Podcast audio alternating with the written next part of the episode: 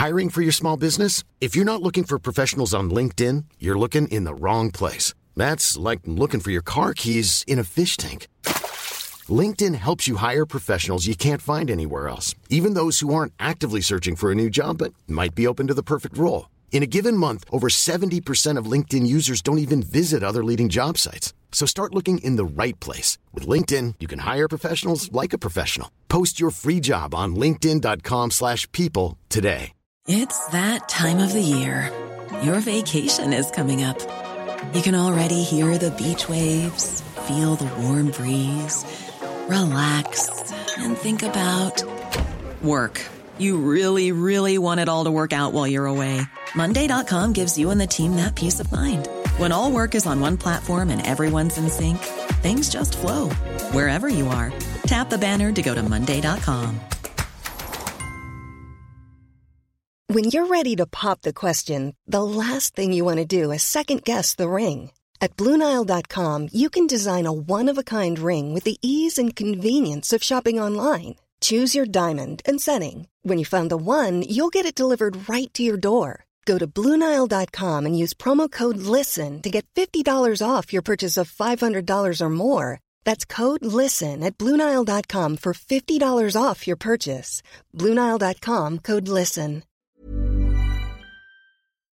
Et år på bibelskole, et liv med substans. Bibelskole Substans ligger i Bergen, tett på folk og fjell. Vi løfter fram etterfølgelsen av Jesus, Bibelen, framtiden, menighet, samfunnsliv og ikke minst ledelse, fordi vi tror på alle menneskers potensial til å påvirke og lede i sin hverdag. Et år på bibelskole, et liv med substans. Sjekk ut mer på substans.co, eller søk oss opp på Facebook. Bibelskolen Substans. Hvilken fremtid har bedehuset? Det er spørsmålet i denne episoden av Tore og Tarjei, en podkast fra dagen.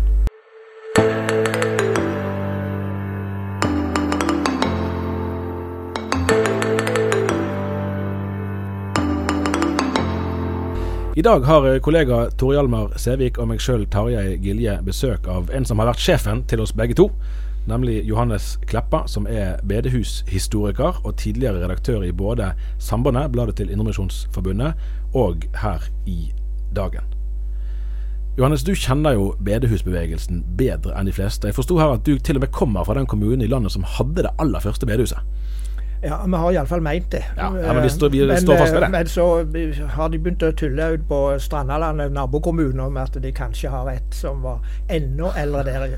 der. Men Si litt om dette huset konkret, om altså, hva som var forhistorien og, og utgangspunktet for at det ble bygget.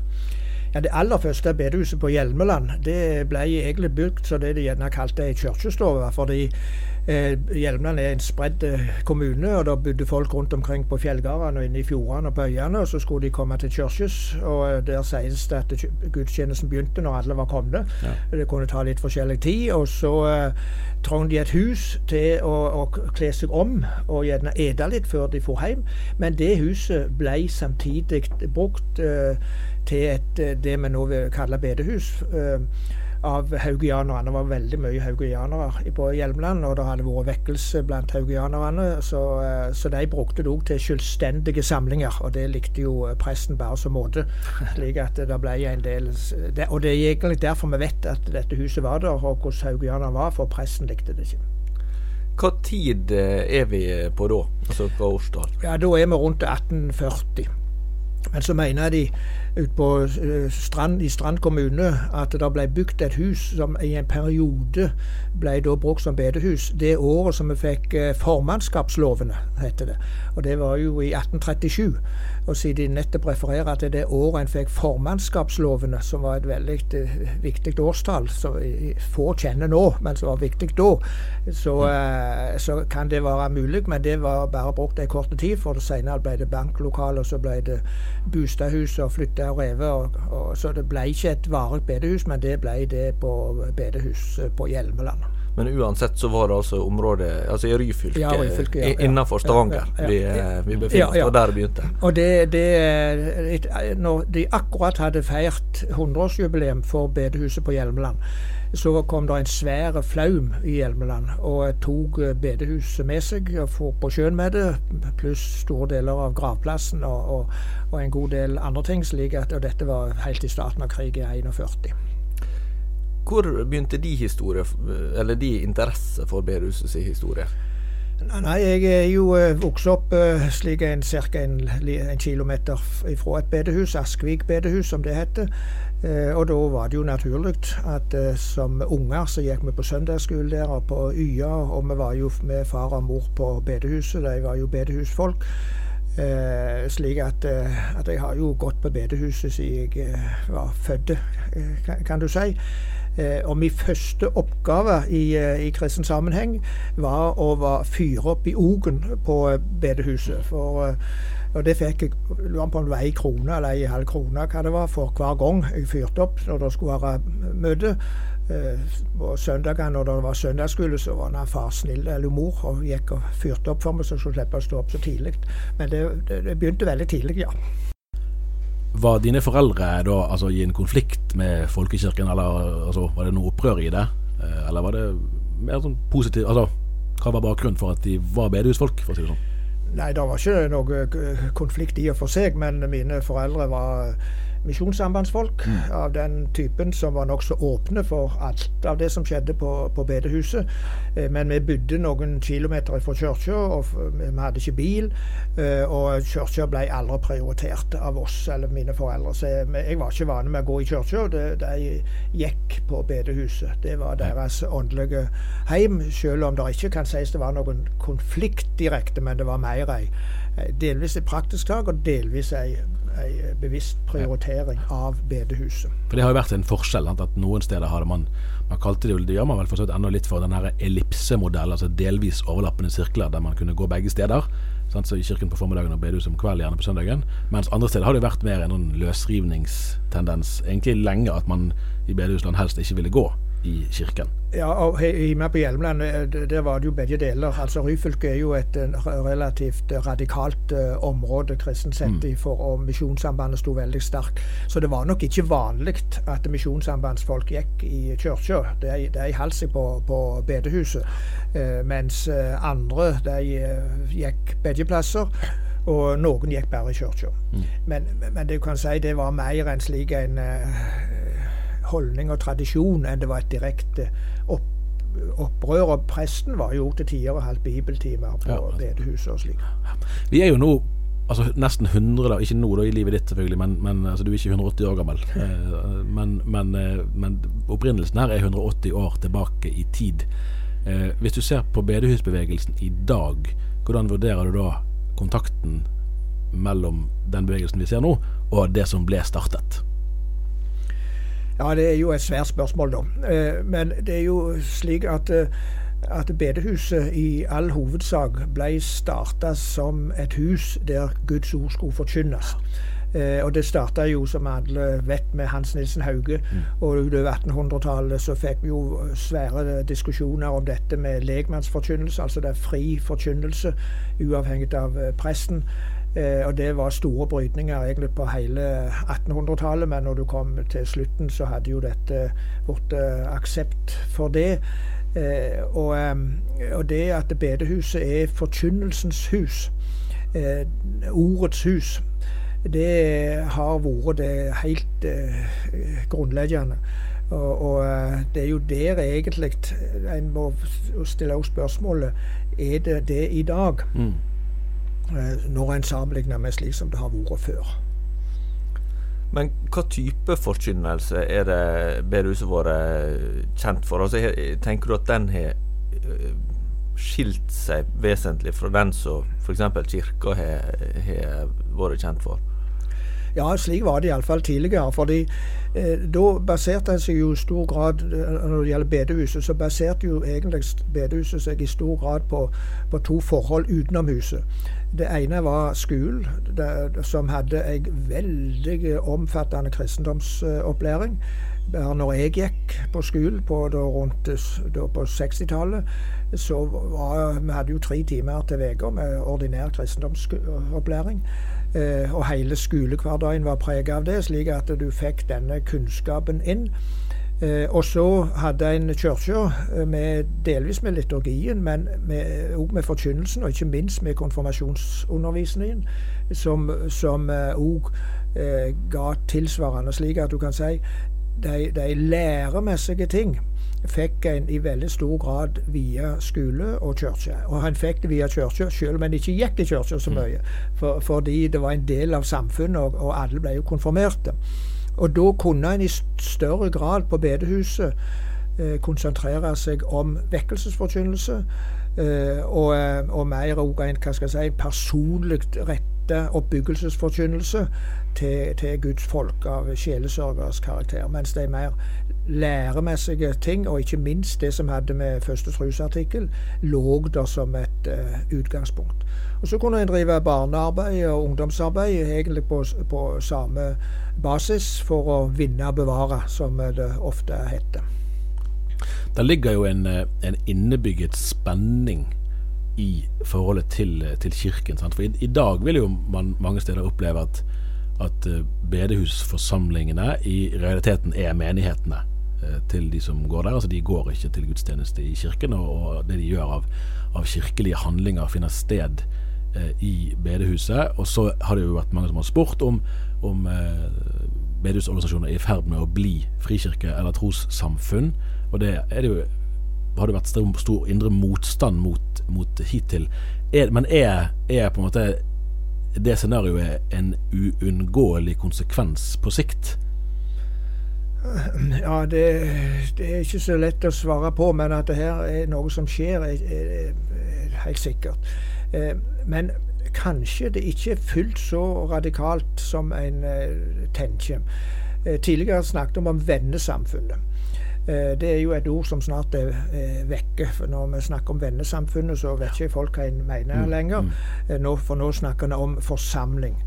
Eh, men det som en mener med forsamling på bedehuset, det er at de som går på bedehuset, de har det som sin åndelige heim.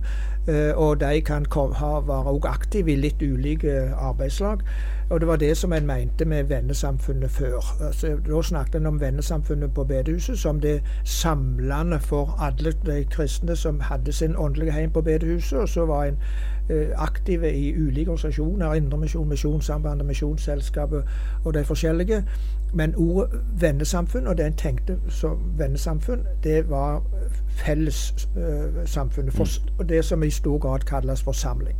Og der hadde en jo det aller meste.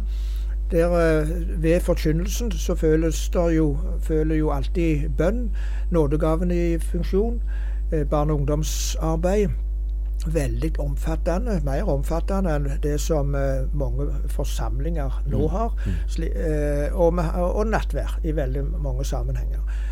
Så det som en ikke hadde, det var, var dåp. det var jo en annen som døypte hjemme òg på den tida, mm. men ikke på bedehuset. og, og siden dåpen er en engangshandling, så det så, så, har ikke det så veldige konsekvenser i forhold til den gamle vennesamfunnstenkningen og den nye forsamlingstenkningen nå. Eh, selv om en nå sier at en må være mer bevisst i, i opplæringsarbeidet, så var jo eh, opplæringen i eh, søndagsskole og barne- og ungdomsarbeid på bedehuset ut ifra vennesamfunnet enda sterkere enn det ofte er, er nå. Mm.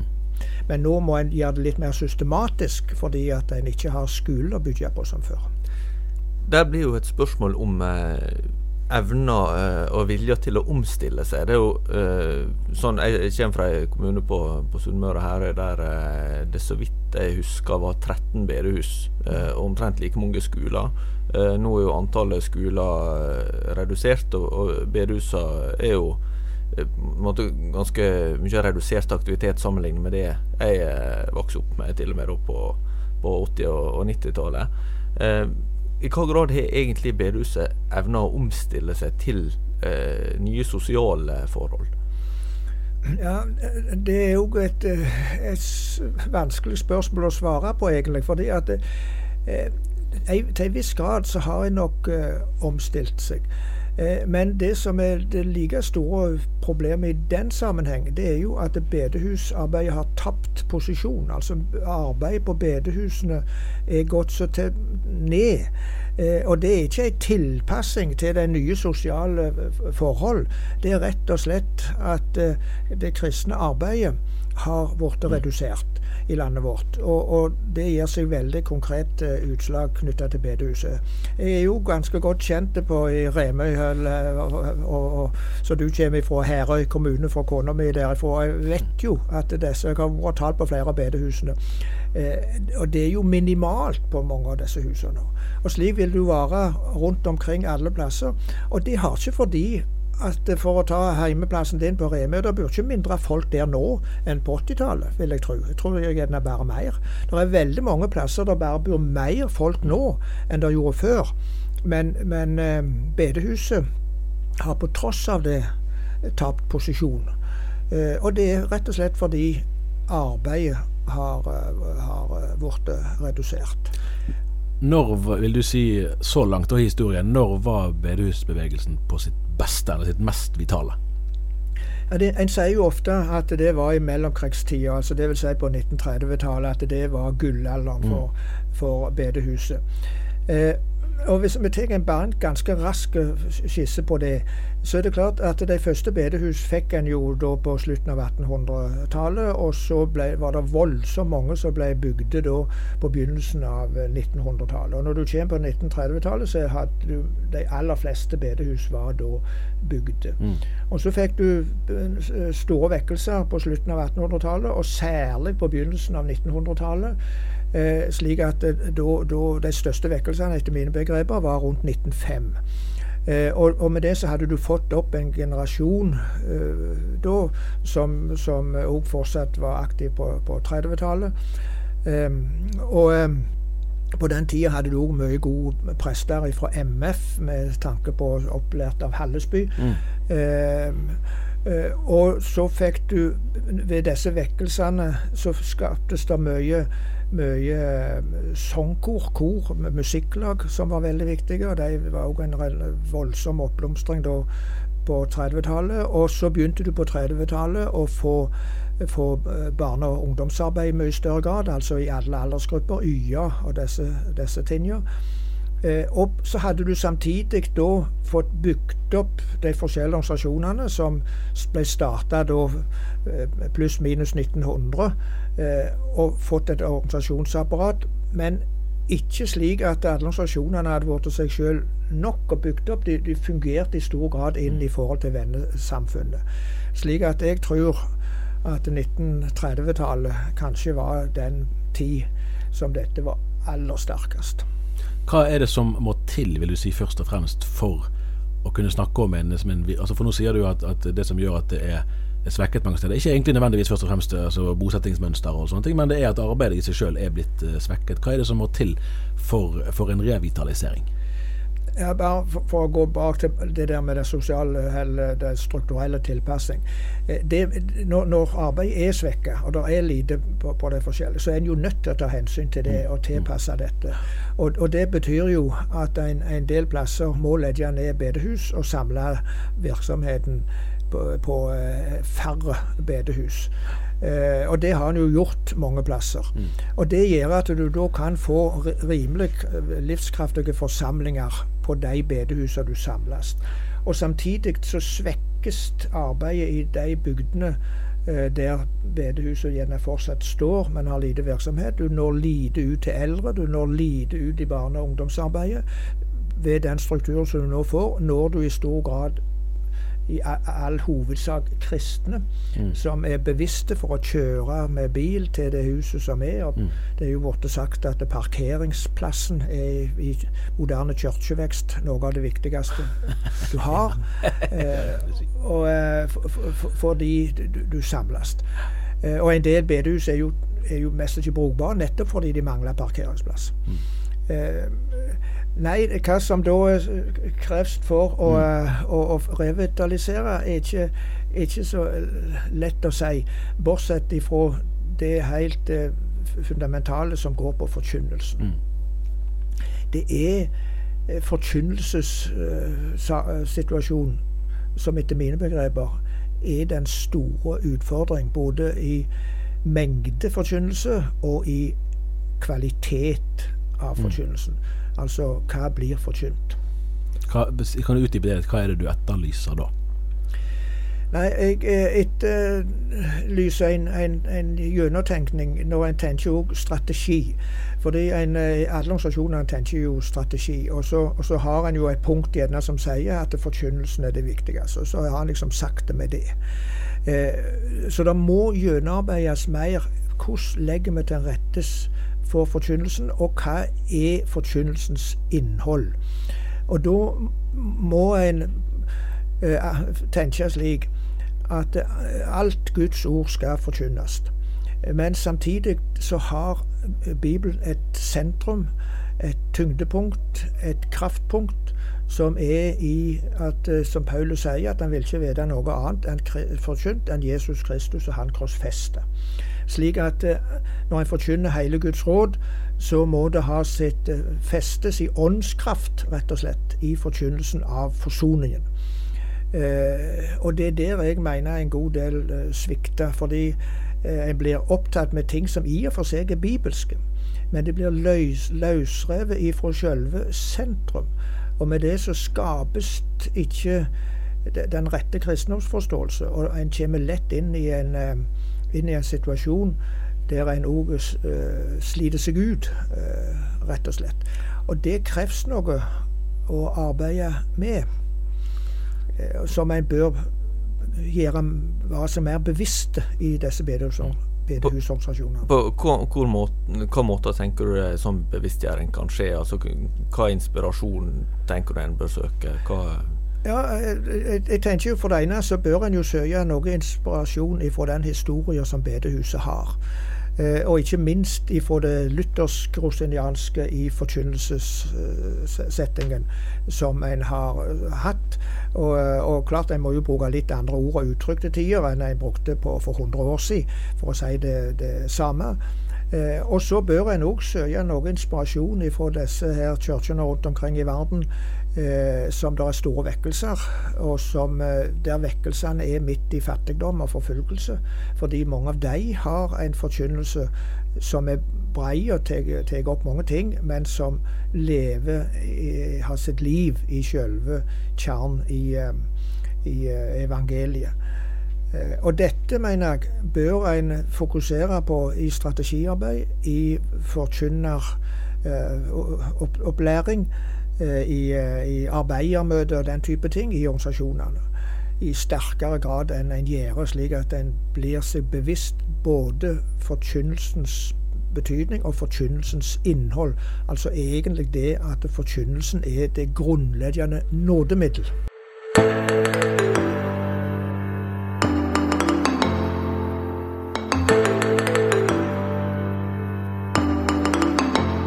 Forfatter eh, Edvard Hoem eh, har jo skrevet en del om eh, sin hva si, bedehustradisjon mm. med familier. da. Eh, både at han har skrevet nå sist disse bøkene om, om utvandrere til, til, Amerika, som var jo veldig prega av haugiansk vekkelseskristendom.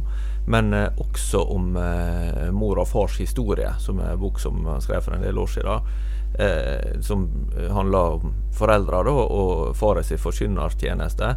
Og da er HM inne på det på slutt, at de siste åra til faren som forkynner ikke var gode. Og det mener han eh, ikke ut fra at han uh, ikke hadde samme glød og, og, sånn, men at han opplevde at det var krevende å formidle til forsamlinger som var mer utdanna enn han sjøl var. Eh, hva tenker du om det med lekmannstradisjoner i møte med et, et samfunn der stadig flere har eh, mer utdannelse og kanskje vil være mer kritiske på et vis? en liten ting med Hoem. Han har jo skrevet en bok som heter 'Barndom'. og Der forteller han jo at han som barn solgte julehefte til Sambåndet. Oh, ja. Det synes jo er litt ja. artig. Ja. Eh, nei, det med utdannelse må en jo ta på, på alvor. fordi eh, Eh, eh, for, fordi legmannsbevegelsen har jo hatt det med seg at en var en del av folket. og altså Emissærene var av folket. og var, Da var jo mange bønder og noen fiskere og, og andre ting. eh, som var folket da. Så utdannelsessituasjonen må en eh, ta på alvor. Jeg er jo uten utdannelse sjøl. Praktisk talt. Men du har jo lest ja, mer? enn Ja, nettopp. Og, og det går jo an å lese for det om en ikke, ikke har en formell uh, utdannelse, og prøver å holde seg uh, oppdatert. Eh, men det som er noe av det pro problemet i den sammenheng, er jo og det ser en i teologien òg, at en kan bli så akademiske, teoretiske, at det ikke, ikke blir personlig. Eh, og, og, og selv om en er aldri så akademisk eh, og utdanna, så er selve personligheten, hjertet, egentlig det, det, det samme. Sigurd Undset sa vel noe om dette at mennesket alltid var det samme. Eh, og, og, eh, så en må ikke en- må ta utdannelsessituasjonen på alvor, men samtidig ta på alvor at mennesket er menneske, altså. Hva framtid eh, ser du, Johannes Kleppa, for eh, bedehuset? Altså, hva, er det, hva potensial ser du, og hva utfordringer ser du? Ut fra, du, du jobber mye med, med historie, eh, altså og skrevet flere bøker om bedehushistorie, og nå er du også eh, måtte, ja, reist som forkynner i flere tiår. Ja, det er eh, flere sider ved denne utfordringen. En av utfordringene går jo på dette med det åndelige lederskap. Eh, og der er radikalt forandra fra før. For eh, tidligere så, eh, så, så, så sier eller en sier gjerne at vi må bygge opp et åndelig lederskap, og det har mangla på bedehuset. Og det er både rett og gale. fordi at det tidligere så baserte en seg på de nådegavene som var på bedehuset, eh, enten de nå hadde formelle posisjoner der eller ikke. Men så var det en annen veldig viktig sak, og det var at du hadde en hel skokk av omreisende predikanter. Eh, Og disse reiste mye i de samme områdene, ble kjente med folk og bedehus, eh, og fungerte på sett og vis som et åndelig lederskap ved sin forkynnelse og ved den veiledning som skjedde rundt eh, kveldsbordet når de kom hjem fra møtet, og, og kontakt de ellers hadde med, med folket. Og ved at denne omreisende og sammenbindende emissæren er vekke, så har du tapt et vesentlig del, ikke bare i forkynnelse, men i åndelig lederskap. Og da må det erstattes på en eller annen måte og bygges opp mer formelt og systematisk på bedehusene. Eh, og det er en utfordring. Fordi at et åndelig lederskap står alltid òg i, i forhold til den forkynnelse som rår på bedehuset. Og ved at disse forkynnerne samtidig i realiteten var det åndelige lederskap, så hadde du det i en enhet.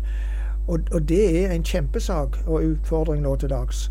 Å makte å få fram forkynnelse som det er åndelig lederskap i, og som òg er formende for de som skal ha det åndelige lederskap. Det hjelper svært lite å opprette eldsteråd og hyrderåd hvis det er de som sitter i disse, ikke er, er utrusta både nådegavermessig og hva skal jeg si, åndelig og kunnskapsmessig ut ifra en, en forkynnelse som utruster dem. Det står et ord i, i Efeserbrev 4 når det er talt om de forskjellige nådegavene. og Så står det at, eh, at de setter Gud i forsamling for at de skulle sette de hellige i stand til tjeneste. Altså utrustningen, alle typer utrustning i den kristne forsamling, skjer dypest sett ved forkynnelsen. Og der er en av de store utfordringene våre. Du møter helt sikkert på, har helt sikkert møtt mange, f.eks. i din egen generasjon, som har kanskje hatt felles eh, barndomserfaringer som deg, men som òg har, har eh, kommet på avstand i møte med altså, det som mange kaller for en streng kultur. Sant? Om det ene og det andre var synd, og kortspill og dans og fiolinspill og plystring og hva det måtte være. Hva svarer du når du møter på de erfaringene som sier at den kulturen her, den vil ikke jeg være del av lenger? Ja, For det første så svarer jeg nå gjerne det at den, det- den kulturen har jeg aldri møtt, egentlig. Det, jeg syns den er overdreven. Ja, ja. eh, For, fordi, eh, som jeg sier, jeg gikk jo på bedehuset, far og mor gikk der. Men eh, det var, var, var veldig lite av den type ting. Eh, og det andre svaret er at eh, en del av disse tingene var veldig naturlige i, eh, i sin tid. Fordi at kortspill og slike ting, det, det førte mye ofte bannskap med seg. Og det førte De spilte om penger, og, og, og, og det var alkohol knytta til det. Mm. ofte slike ting. Så det var nokså naturlig. Mm. Noe av de tilsvarende utfordringene i dag ligger på nettet, og Mm. hvordan du bruker nettet. Eh, og dette, det- som du, hvordan du brukte kort før, er omtrent hvordan du bruker eh, internett og, og, og sosiale medier Mm. eh, i dag.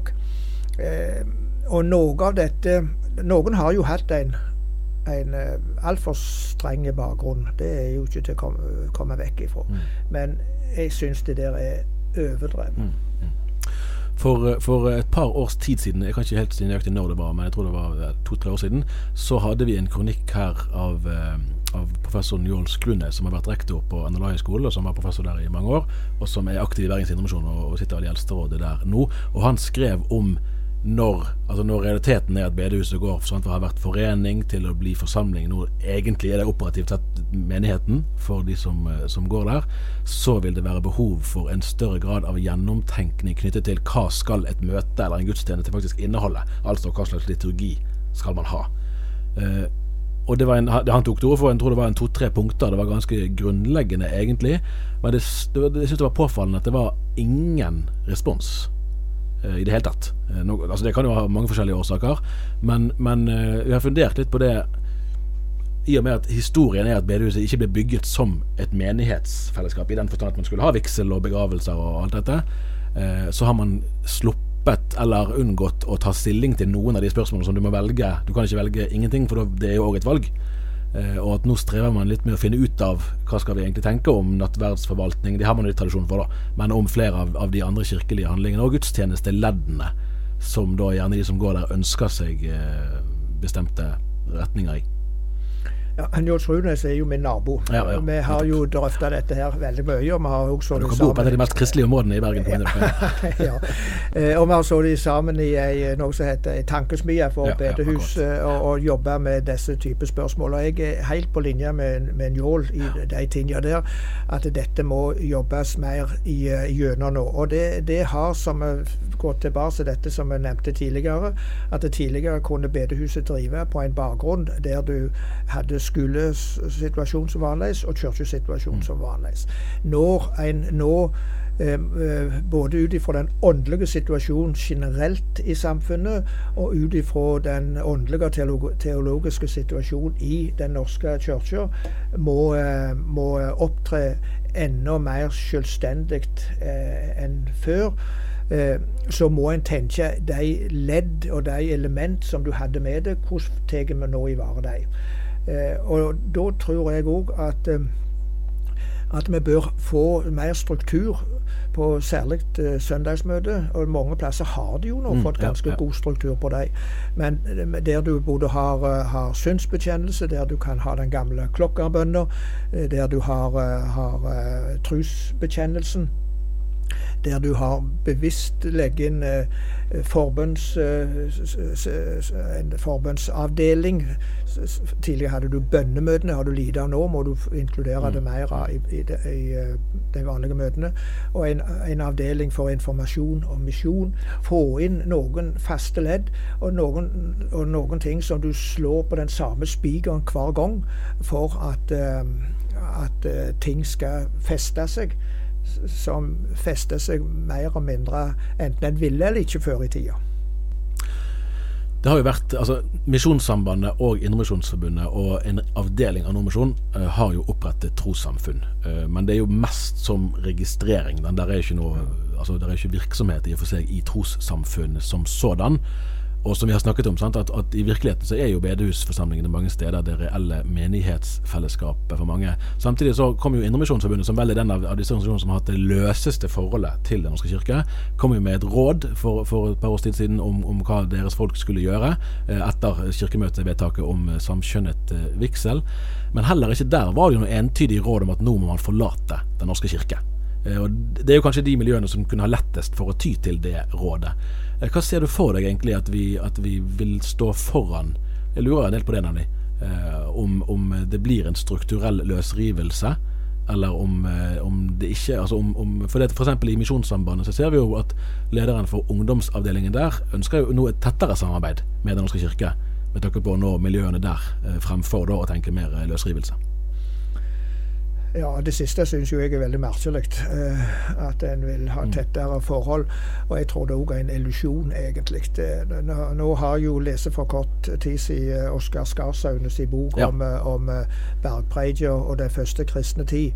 Og, og, og, både der og andre plasser så vet en jo egentlig at denne her mer, denne, denne her mer hva skal jeg si, statlige Eh, kontakt som du har med, med miljøene som du har hatt gjennom statskirka og den type ting, ikke er så gode og sterke mm. kontakter som en gjerne tenker. Altså det er, det er omfattende, men forholdsvis grunt, eh, og legger ikke så sterkt grunnlag.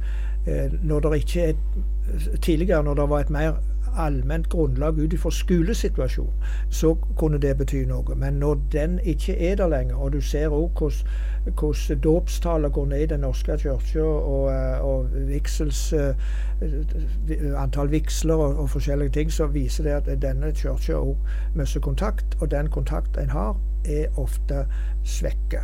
Og det viser jo egentlig òg, så langt jeg forstår, Eh, dette med trusopplæringsopplegget i Den norske kirke når ikke så langt som en mm, skulle mm. tro, selv om en den svære ressurser. Eh, så, så, den der tanken om at en må være med i Den norske kirke for å ha denne kontakten, tror mm. jeg er overdreven. Det er mer om det er åndskraft i det arbeidet som skjer, og om det arbeidet skjer i, uh, i Kristkirka eller i tabernaklet eller på bedehuset, mm. det er mer underordna i forhold til hva åndsmakt eh, er der i mm. dette arbeidet for å, uh, å få kontakt og, og, nå ut. Så jeg mener en må være mer opptatt med det. Og så kommer det med strukturer egentlig i andre rekke. Eh, og det med, med strukturelle kirkesamfunn, det er jo en rent menneskelig mm. ordning. Eh, og det varierer jo fra kultur til kultur og fra land til land hvordan en gjør det der. Eh, så, så, det der får heller legge seg til rettes noe etter hvert. Saken er at en må ha et, en forsamling, det vi før kalte vennesamfunn, nå kaller jeg forsamling eh, Kall det gjerne menighet, om du mm, vil, mm, mm. På, eh, på, bedehuset, med, med, som legger til rettes for skikkelig forkynnelse. Eh, og da vil de andre ting komme på plass. Ikke automatisk, men, eh, men legge seg til rettes for at det kan komme til, på plass. Jeg tror det var det vi hadde tid til, rett og slett. Gi gjerne en eh, evaluering i iTunes, der du kan finne alle episodene av denne podkasten. Det kan du òg gjøre i Spotify og andre tjenester.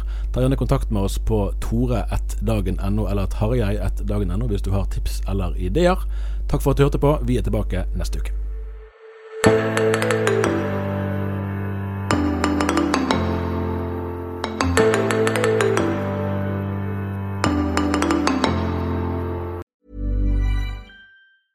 A lot can happen in the next three years. Like a chatbot may be your new best friend.